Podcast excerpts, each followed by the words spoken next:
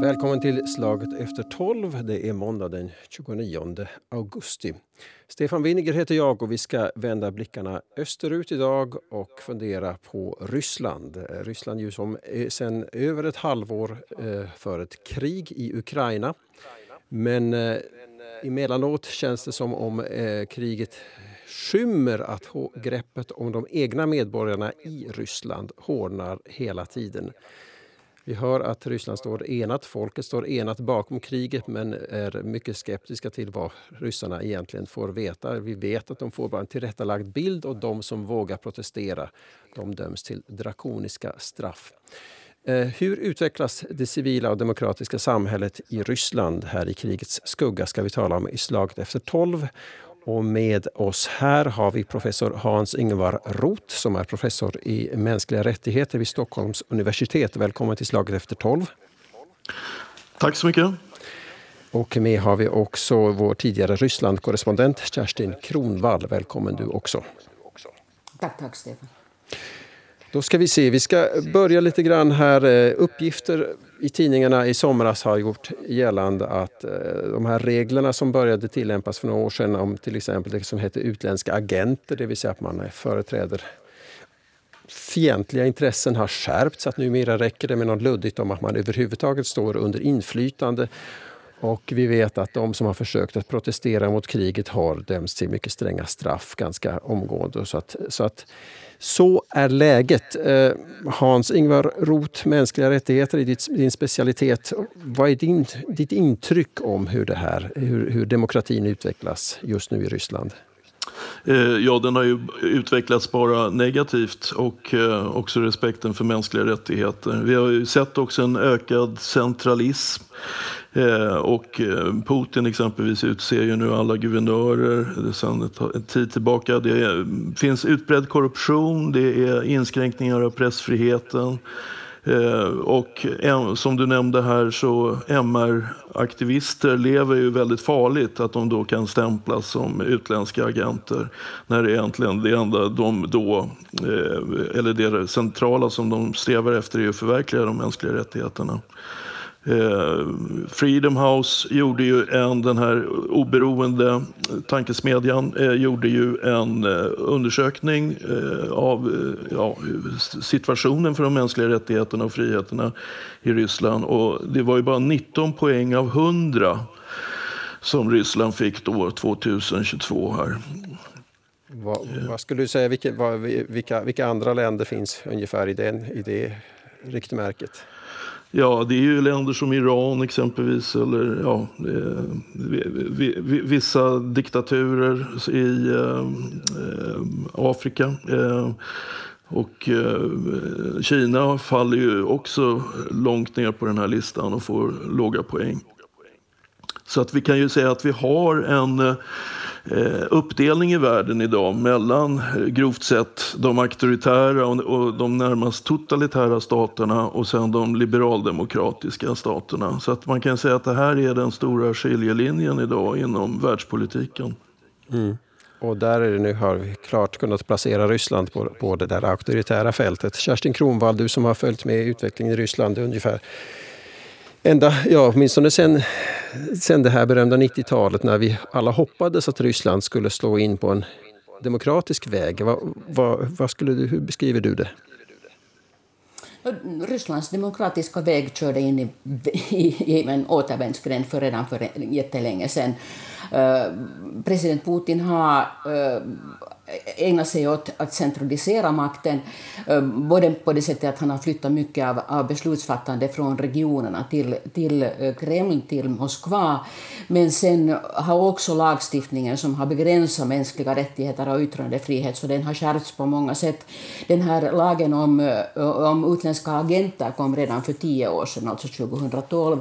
Och sen dess har det kommit ytterligare lagar som har gjort det allt, eh, allt mer riskfyllt att uttala sig kritiskt om, om den ryska statens och statsmaktens beslut. Och sen vill jag, Stefan, vara en krångelbytta och komma in här och, och kommentera en sak som du sa alldeles i början av sändningen, nämligen det att du sa att, att Ryssland för sedan ett halvår tillbaka krig i Ukraina. Ryssland för krig i Ukraina sedan åtta och ett halvt år tillbaka, det ska vi inte glömma. Det var ouppmärksamt av mig. Jag menade förstås sen det här, den berömda 24 februari i år, men du har alldeles rätt, Kerstin Kronwall. Det, det har, började ju redan 2014. Eh, det här, den här demokratin som är så skör eh, i Ryssland redan, den håller på att monteras ner nu. Eh, Hans-Ingvar Roth, det här att, att de här lagstiftningen, hur ser du på det här att det är något man driver högst medvetet och också helt oblygt? Alltså det är inte något, jag ska säga, inte något fördolt utan det här är ju, görs ju helt öppet, eller hur? Ja, det kan man säga med kanske vissa eufemismer och, och visst förskönande språkbruk. Men det är, det är märkbart. Och eh, det här skiljer sig ju då från eh, tidigare epoker eller tidsperioder. Alltså vi kan ju dra oss till minnet Eh, minnes den här konstitutionen som var i Sovjetunionen 1936. Eh, den, den brukar i populär mun kallas för Stalinska konstitutionen. Egentligen var det ju Nikolaj Bukharin, en av de ledande eh, kommunisterna som utformade den här. Men den hade ju då 13 kapitel och i det tionde kapitlet så handlade det ju då om eh, medborgarnas rättigheter och friheter. En väldigt progressiv konstitution position. Och, eh, eh, men det var ju ett, eh, en skenkonstitution eh, så att säga. I praktiken så tillämpades den ju inte och det fanns ju väldigt så att säga, progressiva inslag. Rätt till arbete, rätt till semester och så vidare, rätt till vila. Men det där uppfylldes ju aldrig. Och, eh, och tryckfriheten, yttrandefriheten, den var ju hela tiden villkorad. Att eh, de måste utövas, de här friheterna, i syfte att stärka då eh, kommunist eller Sovjetregimen. Så att det fanns alltid den här överliggande eh, principen att det skulle stödja då regimen. Men alltså ändå explicit så var den ju helt annorlunda än dagens eh, ja, lagstiftning. Det vill säga att, att, att idag, nu, nu säger man att det här får man inte göra, det här är förbjudet och då låtsades man åtminstone att det, det finns massa rättigheter som sen de facto inte fanns. Men, men, men det var ändå på pappret var det ganska... Det var väldigt progressivt. Det här eh, Ryssland, eh, Kerstin Kronvall, vad säger du, hur har Ryssland levt med det här arvet, den här mentaliteten som sitter i väggarna?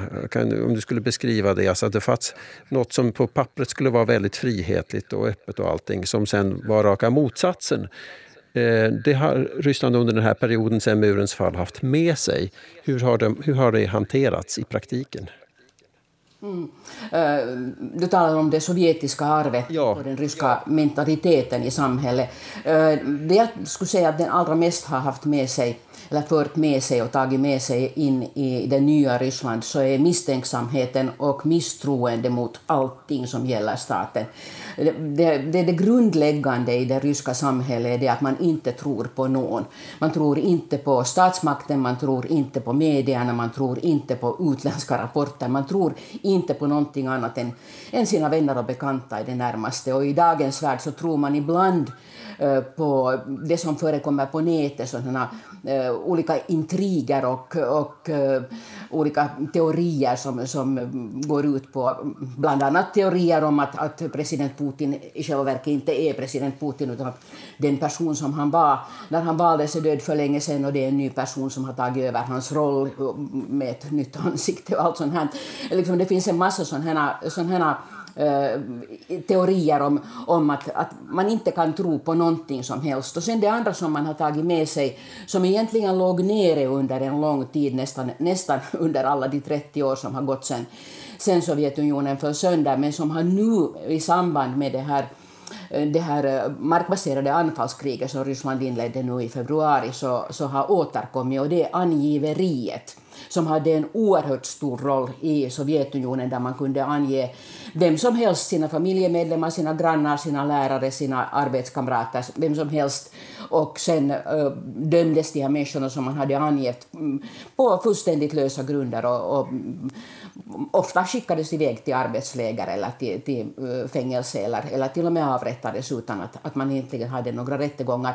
Eh, vi har kanske inte riktigt gått så långt ännu i Ryssland att, att det skulle gälla att man blir avrättad men, men angiveriet har, har fått en sån här ny start nu efter att kriget började och efter det att, att de här lagarna om att, att om man, om man mm, uttalar kritik mot den, den ryska krigsapparaten så kan man dömas till upp till 15 års fängelse. Så det här har lett till helt absurda situationer. Som bara ett, som ett litet exempel, en, en ung mamma hämtade sitt barn på dagis och när hon kom tillbaka till till familjens bil där hon hade en skylt i bakfönstret där det stod nej till kriget så greps hon av polis som hade fått en anmälan om den här skylten i bilen och sen, sen greps hon, fördes till polisstation, förhördes i fyra timmar och ställdes inför rätta. Jag vet inte vilket straff hon har fått, det har jag missat. Men, men den här typen av, av angiveri så lever loppan just nu i Ryssland igen. Och det här, det här det låter ju hemskt. Och det du nämnde här förut, det här fäste jag mig en uppmärksamhet vid att du sa att eh, man tror inte på någonting, sa du. Eh, då undrar jag så här, vi får ju hela tiden höra att, att, att folket i Ryssland står väldigt bakom den här specialoperationen som det då heter officiellt i Ukraina. Hur, hur hänger det ihop med den här misstron på något sätt? Varför väljer man då att tro på den där specialoperationen när man inte tror på något? Det är det här att vi ska heller inte tro på så väldigt mycket och någonting vi absolut, absolut inte ska tro på så är ryska opinionsmätningar. Eh, vi ser helt klart och tydligt att det finns ett stort stöd för, för den här, som Ryssland kallar specialoperationen, som är alltså ett vidrigt och grymt krig. Eh, men eh, det finns också väldigt tydliga tecken på att människor helt enkelt inte vågar svara ärligt.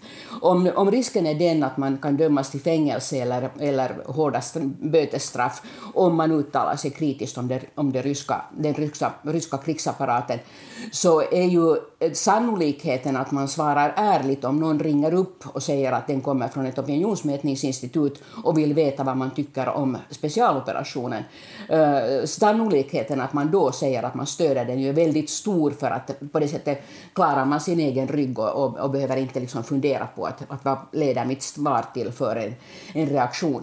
Men samtidigt så, så när ryssarna inte tror på någonting eh, inom sitt eget land, de tror heller inte på, på eh, TV-nyheter som är, är den viktigaste nyhetskällan för en väldigt stor del av ryssarna. De tror inte på inrikesnyheterna eftersom till exempel man i inrikesnyheterna berättar att allt är så jättebra och alla mår bra och alla har råd att betala sin hyra, sin mat och sina mediciner och de, alla vet att det inte stämmer.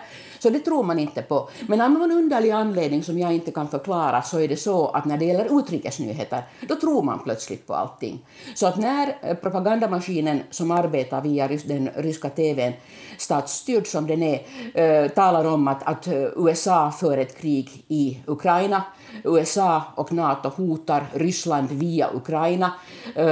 Man säger att, att Ukraina leds av fascister och nazister. Man säger att Ukraina som stat inte har ett, ett berättigande överhuvudtaget att språk är en konstruktion, att det inte finns någon ukrainsk nation.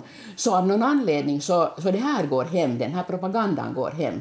Så till, till en del så är det faktiskt så att att propagandan har, har varit så effektiv att människor faktiskt tycker att det här är helt rätt att Ryssland krigar mot Ukraina. Mm. Hans-Ingvar Roth, vad, vad, vad, vad, skulle du kalla ett sådant samhälle för?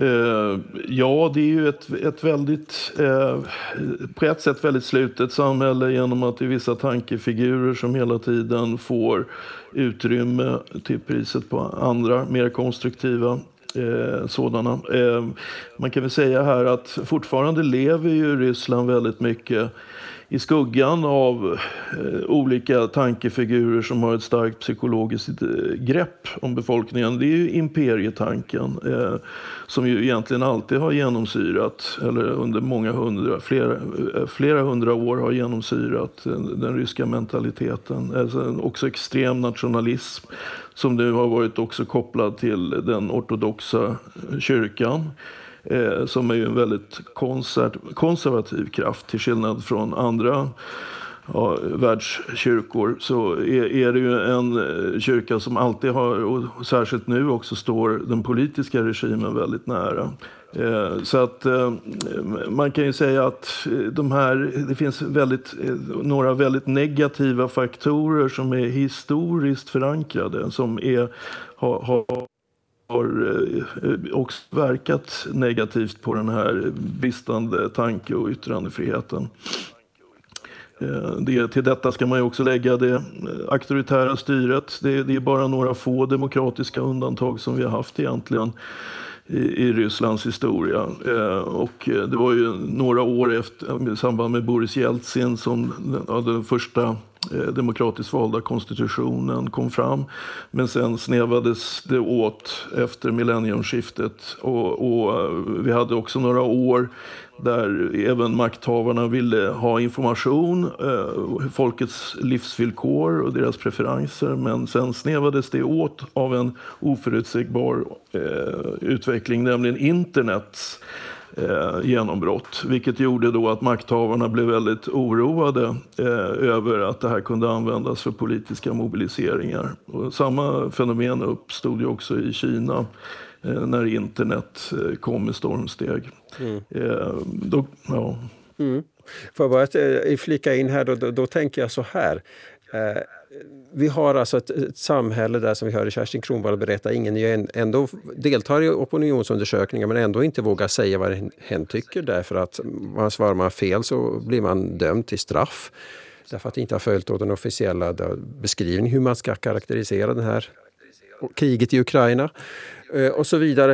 Eh, man begränsar alla informationskanaler och man har ett allmänt misstroende mot information förutom då mot när man målar upp en fiendebild utomlands. Men hur vet då Alltså hur vet ett sådant samhälle vad de egna medborgarna egentligen tycker? Hur kan ett sånt här samhälle i längden bestå när man, när man har skrämt sina egna medborgare till tystnad? Ja, alltså det är ju väldigt svårt att, äh, att, att, att, tänka sig ett sånt här samhälle på längre sikt. Att det, den här diskrepansen äh, mellan då folks egentliga preferenser och den yttre bilden man vill ge till makthavarna, när den blir allt för stor så kommer ju samhället att eh, på ett eller annat sätt krackelera. Det kommer ju inte finnas eh, någon starkare identifikation bland de breda folklagren eh, med regimen. Och man, man, när sanningen urholkas också på det här sättet så blir det ju en, det blir en slags sken tillvaro eh, och, som man lever. Mm. Kerstin Kronvall, du var, vill också kommentera det här. Jo, jag ville säga det. För det första att äh, makthavarna i i Kreml i Moskva bryr sig inte så väldigt mycket om vad det breda folklaget egentligen tänker och vad de vill. Uh, makthavarna i Kreml använder sig av en taktik när man betalar betalar ut vissa stöd till eh, till exempel pensionärer och barnfamiljer i hopp om att de sen eh, ska hållas tysta och vara nöjda och glada över att de har fått de här pengarna. Men den andra sidan av det hela så är det att eh, makthavarna i Kreml samlar in information väldigt, väldigt effektivt på ett sätt som, som president Putin har upprepat varje år utom i år. Nämligen det att han håller sådana här telefonväkterier där människor får ringa in och få svar på sina frågor. Och, och det, det här själva telefonväkteriet på TV, den här flera timmar långa TV-sändningen, är bara en liten del av det hela. Men det man då gör i praktiken de facto är att man samlar in miljontals människors frågor. Alltså det kommer in miljoner Eh, med olika frågor till det här telefonväkteriet. Man får lämna in frågor redan på förhand och under den här TV-sändningen. Och allt det här materialet så samlar ju naturligtvis säkerhetstjänsten och, och eh, alla som analyserar situationen i Ryssland in. Så att, att eh, på den vägen så vet nog makthavarna i eh, Moskva exakt vilka de stora frågorna är för människorna i Ryssland. Och än så länge så har de stora frågorna inte varit det att människor i Ryssland i allmänhet, eh, de stora massorna, skulle ha efterlyst mera yttrandefrihet eller mera mänskliga rättigheter, utan det de har efterlyst hittills är, eh, hittills är en bättre ekonomisk situation. Och, och den ryska befolkningen har blivit liksom, eh, procentuellt sett så finns det en större andel eh, fattiga i Ryssland idag än vad det fanns för, för tio år sedan. Men sen eh, är förstås den här fattigdomen eh, är inte likadan som den var då när Sovjetunionen föll sönder och väldigt många verkligen var var absolut fattiga. Det här är liksom en relativ fattigdom. Men hur som helst, så det är, det är det, den egna livssituationen och hur man klarar sitt sitt dagliga liv, hur man klarar av att betala sina räkningar och eventuellt köpa sig någonting som man vill. Det är det som har intresserat ryssarna och det är den informationen som Kreml har fått hittills. Så att, att det har också gjort att, att man i Kreml har vetat att det är ingen som kommer att, eller det är inte väldigt många som kommer att skrika högt när man begränsar olika folkgruppers rättigheter eller begränsar mediernas rättigheter. Eh, det, det blir, kanske kan se idag att, att Kreml är rädd för en förändring i det här och därför inte har ordnat det här telefonväkteriet med den här långa tv-sändningen i år. Mm. Men nu måste jag stå och ställa känner jag, en väldigt dum fråga här. Men om, om då, då eh, makthavarna i Ryssland är så egentligen helt struntar i vad folket tycker egentligen. Eh, varför är det då så farligt att folket skulle få säga vad det vill? no, det, ju, det, här är ju en sån här dubbelhet. De struntar i det när de fattar sina beslut. De, de fattar de beslut de vill så länge de håller folket, eh, som sagt, liksom, ger de här ekonomiska bidragen till människor så att, att den, de stora massorna håller mun. Men det är klart att Kreml vill inte ha en stor motståndsapparat och det har vi ju sett i det att, att alla till exempel politiska motståndare har eliminerats på ett eller annat sätt. Alltså en del mm, som har blivit politiskt oppositionella så har, har blivit guvernörer i någon avlägsen avlägsen eh, del av Ryssland eller sen har de fått en plats inom Putins eget parti, det förenade Ryssland, eller sen har de hamnat i fängelse eller, eller eh, råkat illa ut på annat sätt och i ytterlighetsfall till och med mördats. Så att, att eh, det finns en väldigt stor rädsla när man, när man har absolut makt som, som president Putin och hans hans gubbar börjar ha idag så blir man också väldigt rädd för att förlora den här makten och kanske också till och med paranoid så att man blir förföljelsemanisk och, och, och försöker slå bort all opposition eh, också där den är väldigt svag. Mm. Man kan ju komma att ställas till ansvars någon gång i värsta fall, eller i bästa fall beroende på hur man ser på saken. Men om vi skulle ta nu och lyfta lite blicken då här också så att när vi har ett Ryssland som ju är eh, det land det är, det vill säga det är världens geografiskt största land. Det är inte ekonomiskt dominerande men det är ändå en militär stormakt. Det är en eh, global spelare etc. etc. Det är inte ett land som man bara kan förbise så att säga. När det här landet, det stora landet Ryssland nu slår in på en sån här väg bort från demokrati eh, där mänskliga rättigheter inte längre spelar någon roll eh, Hans-Ingvar Roth, det här om man, om man ser liksom globalt på de mänskliga rättigheterna. Hur, vad spelar det för roll att, att, att Ryssland som spelare nu går förlorad så att säga som hopp för mänskliga rättigheter? Ja, egentligen så har väl inte hoppet kanske varit så där väldigt stort eh, under alltså, tidigare decennier. Eh, jag nämnde här att det var en, ja, en kort öppning i samband med Boris Jeltsins tillträde. Eh, och, men vi får inte glömma bort det kalla kriget och den, eh, ja, den väldigt repressiva regim som fanns då i Sovjetunionen. Och, eh, och det har egentligen, de här demokratiska inslagen har varit väldigt korta undantag egentligen. Och, eh, och till skillnad från då vissa av de tidigare eh, östländerna i Europa eh, som blev självständiga då i samband med järnridåns fall så Eh, har ju aldrig varit någon riktigt eh, kraftfull eh, demokratisk vitalisering i, i eh, Ryssland eller tidigare Sovjetunionen. Utan eh, det, det, det lever kvar det här, de här tankemönstren, de här ideologiska parametrarna som inte bejakat individualism eller individuella rättigheter. Det, det har funnits hela tiden. Vi har ju idag i världen, som jag nämnde tidigare, en en, stor egentligen konfliktlinje mellan det, vad man kan kalla för det liberaldemokratiska blocket och de auktoritära och de närmast totalitära eh, blocken. Och, eh, Ryssland ingår ju där tillsammans med Kina. Eh, och eh, det här är ju en mycket dramatisk utveckling egentligen och det har ju också visat sig att eh, dessa totalitära block eller auktoritära länder de har ju också en väldigt stark ekonomisk ställning genom Ryssland med sin råvarutillgång. Eh, Kina som nu är en global spelare med, eh, i det ekonomiska sammanhanget och, eh, och sen då Gulfstaterna eller Mellanöstern då med oljetillgång exempelvis som gör att man kan sätta en väldigt stor press på Europa och USA exempelvis. Mm.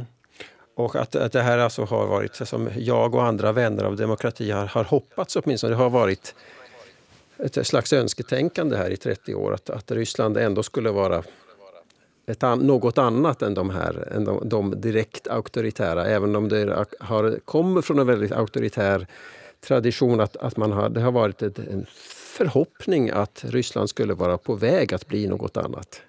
Ja, alltså det är ju sorgligt att säga att det har ju varit en naivitet tror jag mycket och ett önsketänkande efter 1989. Vi såg ju visserligen vissa år det verkade gå framåt och eh, när det gällde de mänskliga rättigheterna. Men sen ja, blev det då bakslag. Och, eh, och, under Putins styre under 2000-talet här så har det ju bara gått bakåt hela tiden. Ehm, det, det är samma med Kina också. Man trodde att den ekonomiska liberaliseringen skulle åtföljas av en politisk liberalisering. Men det skedde ju inte. Det var ju också en sån här eh, naiv önskedröm kan man säga, också från västs eh, sida. Mm. Kerstin Kronvall, eh, det här, jag antar att du känner igen den här bilden? Eh, jo, delvis. Men, men det är faktiskt så att under Putins tid så fanns det en period när, när eh, liksom tömmarna Eh, fick lite, eller fick mer, lite mera äh, möjlighet att, att äh, vara fria. Och det hände någonting mellan åren 2004 och 2008 som tog sig uttryck i, i sådana absurda saker som till exempel att man kunde ringa till ett ministerium och någon svara i telefon och man kunde få ett svar och man kunde till exempel boka in en intervju på det här enkla sättet. Det kunde man inte före 2004 och det har man inte kunnat efter 2008. Och, och det som vi vet att hände 2008 var ju två saker. Det var den här stora Eh, internationella finanskrisen och det var Rysslands anfall på, på eh, Sydossetien, alltså på, på den georgiska delen Sydossetien. Och eh, det här var liksom en utveckling som såg, eh, den såg genuint mycket bättre ut under de här åren. Och, och det ska man heller inte glömma, att, att det har inte bara varit så att eh, väst har varit liksom sitt med klar panna på det hela och tro, trott att allting eh, ska gå bra och det bara har gått sämre. Det fanns en liten kort period där när, när, när utvecklingen såg bättre ut. Men sen skulle jag vilja gå tillbaka till en annan sak och det är det som har att göra med att, att Ryssland är ett så väldigt dubbelt samhälle och det är inte så, man kan inte liksom analysera det så väldigt enkelt. För de facto, så också om, om man i Ryssland, eh, ingen är beredd eller väldigt få är beredda att kämpa för individens rättigheter så är Ryssland, äh, människorna i Ryssland, liksom inställningen till enskilda människor i Ryssland väldigt individualistisk. Och det kan man till exempel höra i ett, ett ordspråk som är att Jesli nilsiano хочешь, то можешь. Och det betyder att, att om, du, om det är förbjudet men du verkligen vill så får du. Och det betyder det här att, att man egentligen liksom inte tror på, på gemensamma regler. Och det som hände för 30 år sedan, eller snart 31 år sedan, när när Sovjetunionen föll sönder så var egentligen det att man på något sätt um, gick över från att ha, ha haft den här ganska kollektiva inställningen till samhället och den här att, att man arbetar för det gemensamma goda och så gick man över till att, att man började an, äh, arbeta mer, eller liksom vara mer individualistiskt äh, inställd och det gjorde att man övergick från att ha trott på statens idé till att tro på sin egen ekonomis idé. Och det här, det här har varit väldigt genomgående under de här 30 åren, att, att det har varit pengarna som har avgjort och var och en har försökt klara sig så bra som möjligt eh, för sig själv och sin egen familj och sin närmiljö. Men man har inte liksom haft någon strävan efter att vara en del av av det eh, allmänna samhället. Det finns, det finns oerhört få ryssar som skulle säga det här som vi sa åtminstone på 70-talet här i Norden, att samhället det är vi. Utan, utan var och en eh, anser sig vara en individ som ska få leva eh, separat från det som man anser är samhälle och då menar man de som har makten. Och det finns liksom en väldigt stark indelning mellan makthavare, politiker, eh, tjänstemän, alla som sitter, sitter på någon slags makt och de som inte har den här makten och ingen dera gruppen vill ha någonting med den andra att göra. Så att, att det, det ryska samhället är är så väldigt mångfacetterat att det går inte bara liksom att se på det så här att oj, oj, oj, det blev ingen demokrati. Det höll aldrig på att bli någon demokrati, för det var inte det vad ryssarna ville. Men, men vi, vi trodde oss se en liten förändring under ett antal år. Mm. Ja, och det är parallellt, eller det är analogt med det jag nämnde också med eh, det här eh, eh, pressfriheten i början på 90-talet. Att den, det var ju faktiskt en öppning där, men sen var det ju intressant då när internet kom så blev det ju då en rädsla hos makthavarna att det skulle bli, leda till politiska mobiliseringar. Så att eh, där teknologin eh, på något sätt blev en hämsko kan man säga till eh, den här stegrade yttrandefriheten. Och, ja. det, här, det, är ju nu sen då under under det här året har det lett till att, att eh, de ryska myndigheterna har stängt ner inte bara en massa medier, men också sociala medier. Så att, eh, att eh, de ryssar som är tillräckligt aktiva för att verkligen vilja finnas på sociala medier och vara med och, och påverka världen den vägen, så de är tvungna att, att köpa sig en VPN-anslutning för att kunna komma in komma in på sociala medier, vilket har varit liksom en väldigt stark begränsning för, för eh, ryssar som vill vara samhälleligt, de få som vill vara samhälleligt aktiva. Och andra är då helt hänvisade till, till de statsstyrda medierna. Mm. Precis.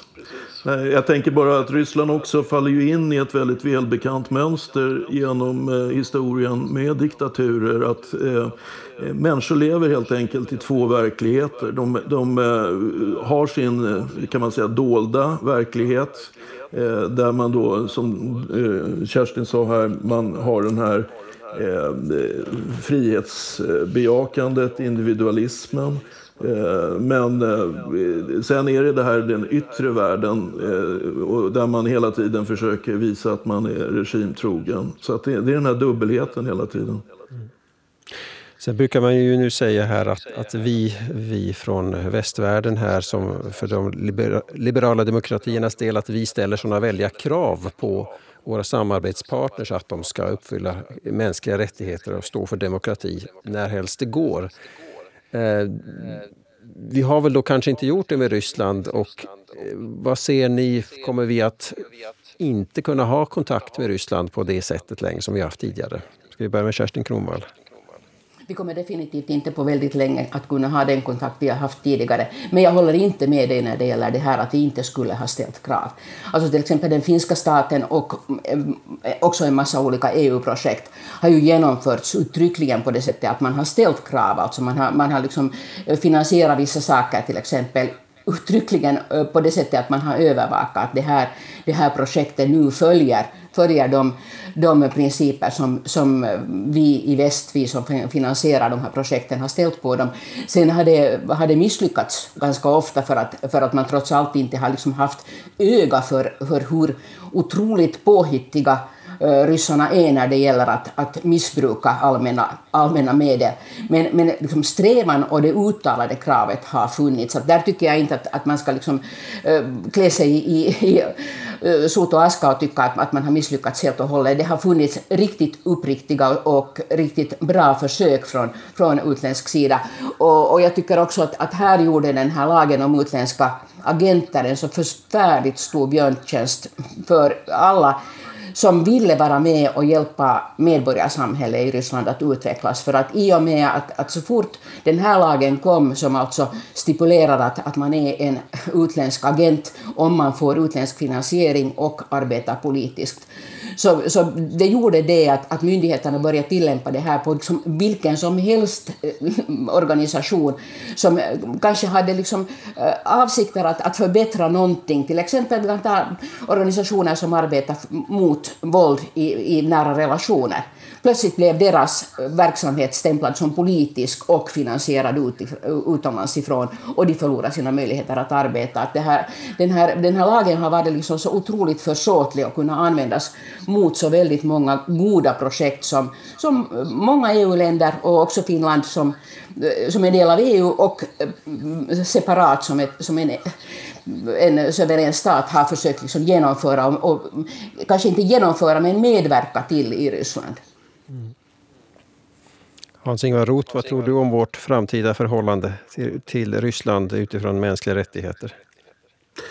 Eh, ja, alltså jag, jag, vill ju vara optimist när det gäller de mänskliga rättigheterna. Att jag tror att det ligger en oerhört stor eh, dragningskraft i detta med yttrande och tankefrihet. Och människor får forma sina egna liv. Att det här är någonting som har framtiden för sig. Och det märker man ju också på många sätt när studenter från auktoritära länder studerar i väst. Att de, eh, de vill gärna stanna kvar helt enkelt. De, vill, eh, de, de tycker inte om den här auktoritära tankesätten. Eh, och, och, så att jag jag, jag, tror på det på lång sikt. Som det är nu så är vi, vår eh, omvärldsbild är ju så totalt dominerad av den här eh, väldigt allvarliga situationen i Ukraina och eh, konflikter och, och eh, det, det, alltså, då, då, är man ju man är väldigt pessimistisk när det gäller med den nuvarande regimen att de skulle ha eh, någon som helst känsla för det här med mänskliga rättigheter. Det har de ju inte visat. Så att, eh, men men eh, Ryssland är ett väldigt stort land. Det är ju ett imperium eh, som vi har varit inne på. Och det finns så oerhört många folkgrupper. Och, eh, eh, det, alltså det, det, är väldigt svårt att generalisera och, och säga att utvecklingen kommer gå i den och den riktningen. Det, det kan bli väldigt överraskande utvecklingar och, och, med tanke på den stora pluralism som ändå finns i, i Ryssland. Och, eh, Eh, jag tror då, som jag nämnde, att jag är optimist. Jag tror att de mänskliga rättigheterna är det som väldigt många ändå till syvende och sist graviterar till. Att man vill leva i ett samhälle där det finns rättssäkerhet. Man vill leva i ett samhälle där eh, våldet inte blir vardag. Eh, och eh, där man får då yttra sig fritt eh, om det som är väsentligt i livet. Jag, jag, jag tror, jag, jag, vill vara optimist. Det hedrar dig. Professor Hans-Ingvar Roth från Stockholms universitet. Vi säger streck här för Slaget efter tolv idag. Tack för att du var med i Slaget efter tolv. Tack säger jag också till Kerstin Kronvall, vår tidigare Ryssland-korrespondent. Jag heter Stefan Winiger. Tack för att ni lyssnade. Vi hörs igen. Hej då.